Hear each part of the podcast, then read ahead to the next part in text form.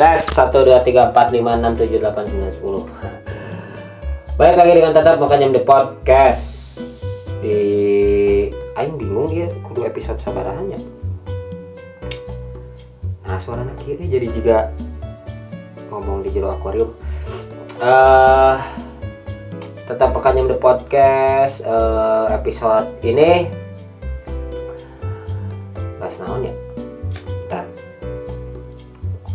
bahas eh drakor. Semenjak enggak semenjak sih. Tapi dengan semakin banyaknya platform untuk eh, streaming film khususnya Korea semakin banyak pilihan eh, warganet untuk menikmati hiburan. Apalagi para lu nggak tahu ya saya nyebut para pecinta drama Korea ini apa? Drakor mania tapi ya semakin banyak yang dulu kayak eh, para kaum Adam juga dulu sempat ngecengin ngapain nonton drakor, ngapain nonton drakor sampai akhirnya mereka pun ikut serta dalam menyemarakan eh, hasanah perdrakoran ini. Jadi punya ingat saya teh punya teman dulu namanya teh si Aju. Kan dulu juga film India ya Bollywood teh sangat di di apa ya diledek lah. Tapi si Aju ini tuh dengan dengan senang hati gitu memberikan rekomendasi film-film India yang sering dia nonton ke teman-teman di kelas dulu waktu SMA ke si Umi, ke si Pramanik sampai kasetnya teh banyak gitu tah. Sekarang pun eh, apa peristiwanya teh sama kayak dulu si Aju sering ngebagiin rekomendasi film India bahkan dipinjemin zaman dulu masih Aju kaset-kasetnya ke cewek-cewek sekarang juga banyak cowok yang tah nonton drama Korea ini saya judulnya ini ceritanya ini ramai tahu jadi eh ya apalagi setelah adanya drama Korea tentang pernikahan ini ya yang judulnya The World of Married eh, buat kalian yang mampu menyelesaikan drama Korea ini salut ya. Saya mah aduh nggak kuat baru dua episode. Hebat. Nah, eh, kita juga nggak tahu kena ada ada masalah apa warganet Indonesia dengan Han Sohee ini gitu. Oh iya lupa ketinggalan.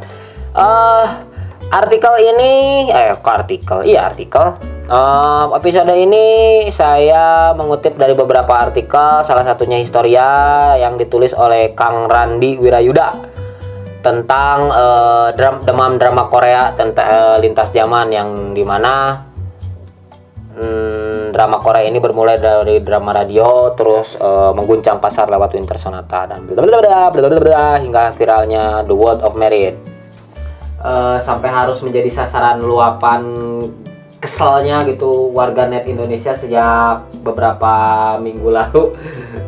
Eh, si aktris ini kan meranin pemeran ini ya si Da Kyung eh, di The World of Merit dicaci gitu di dimaki-maki sebagai pelakor. Alias perebut laki orang. Untung rumahnya kan di jauh gitu di Korea anjing. Kabayang lamun di mana di Bandung juga na di udag anjing juga si youtuber goblok. Aduh. Anyway eh Mengutip dari kumparan per tanggal 26 April 2020 akun pribadinya si eh, si siapa? Si Hanso ini di si apa di banyak dimaki dan dihujat. Sampai kata-kata pelakor pun sampai gitu viral di Korea sana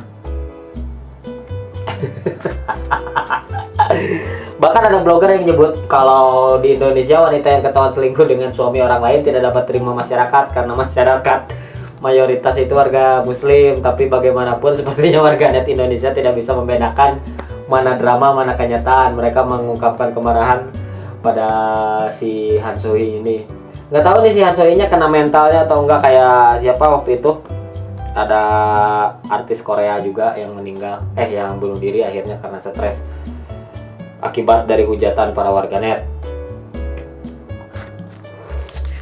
Padahal kan eh oh gara-gara jauh tuh padahal kan kayak cerita-cerita eh, tentang ya inilah tentang eh, married affair gitu perselingkuhan cheating itu kan banyak ya dari tahun ya yang saya tahu mah uh, Pink Lipstick 2010 terus uh, The Last Empress 2018 terus ya lumayan lah. Cuman ya nggak se-viral The World of Merit juga gitu karena mungkin si ini murahnya si persebarannya. Jadi sebenarnya uh, membahas tentang drama Korea ini tuh bukan hal yang baru gitu di Indonesia cuman memang sekarang lebih dinikmati oleh umum aja. Bukan uh, bukan hal-hal yang baru diramein dari dekade 2010-an gitu. Uh, di Asia sendiri drama Korea teh ya sekarang baru masuk nih sejarah. Jadi di Asia sendiri drama Korea teh baru populer uh, berbarengan dengan fenomena Korean Wave atau tren gelombang budaya pop Korea atau K-pop pada akhir tahun 90-an jadi si orang Korea sendiri itu dikenal dengan Halyun. Jadi ini tuh berkembang dalam dua genre kontemporer yang kisahnya tentang asmara yang banyak keuuannya itu yang kadang bikin standar uh, kita para pria untuk mendekati para wanita ini jadi lebih ribet. Karena para wanita Indonesia menaruh benchmark yang terlalu tinggi dan halus dan halu gitu pada drama Korea dan satu lagi uh, Saguk. Saguk ini drama yang mengambil latar belakang sejarah kuno kerajaan kayak misalnya yang gampangnya apa ya? Kingdom. Nah, itu perpaduan antara Saguk dan zombie. Nah, di pada uh, pada penghujung 90-an uh, nggak lama setelah tren tersebut masuklah drama urban Jepang eh nggak salah. Pada penghujung tahun 90-an teh nggak lama setelah si popularitas uh, drama Korea ini teh drama Jepang mulai turun nih. Jadi si uh, budaya pop Korea mulai naik dalam bentuk uh, opera sabun atau drama televisi atau ya film juga. Uh, dan banyaklah uh, karya-karya audiovisual bahkan si hal ini pun jadi komoditas sendiri gitu bagi pemerintah Korea Selatan. Waktu itu Badan Perdagangan Dunia WTO mendata bahwa tahun 2007 Korea Selatan tuh menjadi eksportir jasa audiovisual terbesar ke-10 di dunia. Bahkan menurut KOCCA atau Korea Creative Content Agency, Korea Selatan yang menjadi eksportir program hiburan berseri kedua terbesar di Asia pada tahun 2010 mengikuti Hong Kong pada tahun 2011 sebagai program siaran hiburan dari ke yang mencapai harga atau angka ke 227,8 juta US dollar. Jadi sejak awal tahun 2000-an hingga sekarang tuh Korea udah ngabret lah, udah berjaya dengan drakor-drakornya dan juga K-popnya lah musik-musiknya. Padahal eh, drakor itu pertama kali jadi Koreanya muncul tahun 1920-an. Nah, drakor ini nih buat para yang nggak tahu ya, para yang nggak tahu, buat orang-orang yang nggak tahu bahwa drama Korea ini pertama kali uh, mengudara lewat jaringan radio. Nah, seiring berdirinya apa ya KBS kalau zaman dulu namanya Kyosongpa Songguk sekarang mah namanya Korean Broadcast System pada tahun 9, eh, 16 Februari 1927. Dulunya si stasiun radio ini teh didirikan oleh Gubernur Jenderal Korea, Jenderal Ugaki Hakasu Kazushige waktu zaman penjajahan Jepang di Korea. Jadi eh, Pak Gubernur Jenderal ini memberi porsi besar pada program musik dan drama radio berbahasa Jepang. Jadi hanya 30% yang berbahasa Korea. Gitu. Menurut buku Made in Korea, Studies in Popular Music bahwa porsi lebih banyak untuk program musik tradisional atau drama yang dikombinasikan dengan musik klasik barat. Baru diperbolehkan pada tahun 1934 sampai 1936, tapi tetap radio ini difungsikan sebagai publikasi media untuk imperialisme Jepang ketimbang media populer komersil. Mirip-mirip propaganda sih kayak di Indonesia we gitu.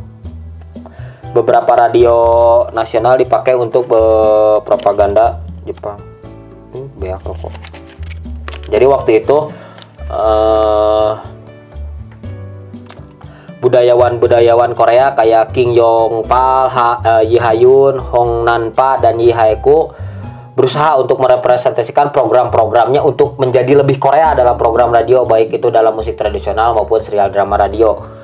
Kayak pernah nggak sih kalian di radio gitu pernah kayak ngedeng uh, ngedengerin uh, cerita tentang apa gitu percakapan tapi suaranya teh beda-beda tak kayak gitu zaman dulu juga drakor teh di Korea yang bentuknya dalam audio saja di dalam radio.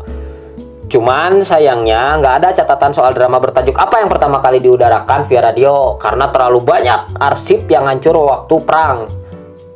Waktu itu. Cuma serial drama radio yang tren saat itu adalah trema eh trema drama yang bertema kriminal atau cerita detektif yang dipengaruhi oleh novel-novel detektif atau uh, novel kriminal dari Amerika, dari Inggris, dari Prancis, dari Jepang dan dari beberapa daerah yang waktu itu lagi booming. Setelah absen uh, gara-gara Perang Dunia Kedua dan disusul Perang Korea tahun 1950 sampai 1953, drama radio teh baru eksis lagi di tahun 1954 atau setahun setelah gencatan senjata.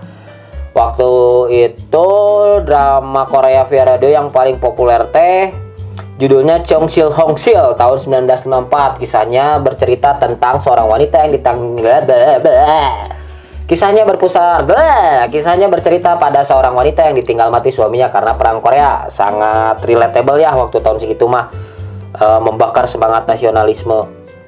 Ini drama Korea tersebut sukses karena kisahnya ya itu tadi relatable erat dengan apa yang dirasakan dalam masyarakat waktu perang Korea kan banyak tuh zaman dulu selesai perang mah masyarakat Korea teh banyak yang sedih e, banyak yang ya sendu dan e, dan banyak hal-hal yang bisa dikenang. Jadi si drama itu tuh menjadi wadah untuk memberikan kesempatan bagi orang-orang yang menangis dan tertawa sekaligus memberi penonton secerca mimpi dan romantisme yang tidak bisa mereka temukan dalam kenyataan hidup saat itu. Makanya kadang-kadang atau seringnya drama Korea ini lebih delusional daripada kehidupan secara nyata. Kayak gitu. Nah, pada tahun 1956 drama Korea mulai beralih nih ke layar kaca lewat stasiun TV HLKZ TV yang menayangkan Cheong Google Moon atau Gerbang Nirwana. Drama Korea ini berbentuk film televisi yang berdurasi kurang lebih 15 menit. Uh, terus drama se drama ini teh Uh, jadi bentuknya film kan uh, terus ada lagi yang bentuk serial itu tuh yang pertama tahun 1962 yang berjudul Gukto Mandri Drakor ini berlatar belakang tentang era kerajaan Goryeo waktu itu ditayangin di TBC Tongyang Broadcasting. Nah lanjut lagi. Pada tahun 1970 hingga 1980-an drama Korea bergenre kontemporer uh, yang judulnya Souma atau Ibu Tiri tahun 70-an dan Sarang Wayomang atau Cinta dan Ambisi ini mulai mendominasi jam tayangnya pun uh, lebih lebih prime time lah dimulai lebih uh, pagi untuk menggait pasar ibu-ibu yang yang nggak kerja gitu yang pulang dari pasar atau kumaha dan kisah-kisahnya pun disajikan syarat mungkin dengan kondisi para ibu rumah tangga di Korea pada tahun tersebut. Ibu-ibu rumah tangga ini mulai jadi plot utama dalam drama-drama TV sampai sekarang pun masih menjadi uh, uh, peran sentral lah dalam drama-drama Korea apalagi yang bercerita tentang kekeluargaan. Karena ibu rumah tangga ini cenderung lebih mudah menghadapi stres uh, dalam keseharian mereka. Dan karena banyak dari mereka nggak punya sasaran pelampiasan stres makanya mereka mengalihkan emosi ke hiburan televisi khususnya drama serial ini atau prasabun Nah, seiring berjalannya waktu, drakor ini mulai menaklukkan Asia tadi pada tahun 2000-an. Nah, pendobraknya ini adalah drama Korea Winter Sonata di tahun 2002 buat orang-orang yang lahir di tahun 90-an kayaknya banyak dari kalian. Aing oke ketang. Banyak dari kita juga pasti tahu lah tentang Winter Sonata. Uh, drama ini teh garapan dari Yeon Seko atau ya Yeon Seko sih yang rilis waktu itu dalam 20 episode. Dan berhasil menembus pasar Jepang jadi uh, boleh dikatakan bahwa si Winter Sonata ini teh drama pertama yang mengikuti formula dasar untuk kesuksesan di televisi gitu. ya yang kayak kita tahu lah uh, yang mainnya ganteng cantik uh, terus uh, apa tempatnya bagus alamnya indah plotnya manis terlalu manis malah kadang jadi halu tentang cinta tentang kematian tentang harapan akan hubungan romantis ya kayak gitu gitulah yang sampai sekarang juga masih dibawa gitu sebagai dasar untuk kesuksesan di televisi. Rating anjing. Jadi setelah ngeklik gitu setelah Winter Sonata menjadi pattern karena berhasil menembus uh, pasar Jepang rata-rata di tahun segituan banyak banget lah uh, drakor-drakor yang mirip tentang Winter Sonata. Bahkan saking kerennya si Winter Sonata itu sampai dibuat versi anime. Waktu itu dibikin uh, beberapa jilid lah pada tahun 2004 sampai 2005 terus dibikin juga musikal teater di Tokyo di Osaka di Sapporo tahun 2006 makanya tadi itu dicontek-contek kan.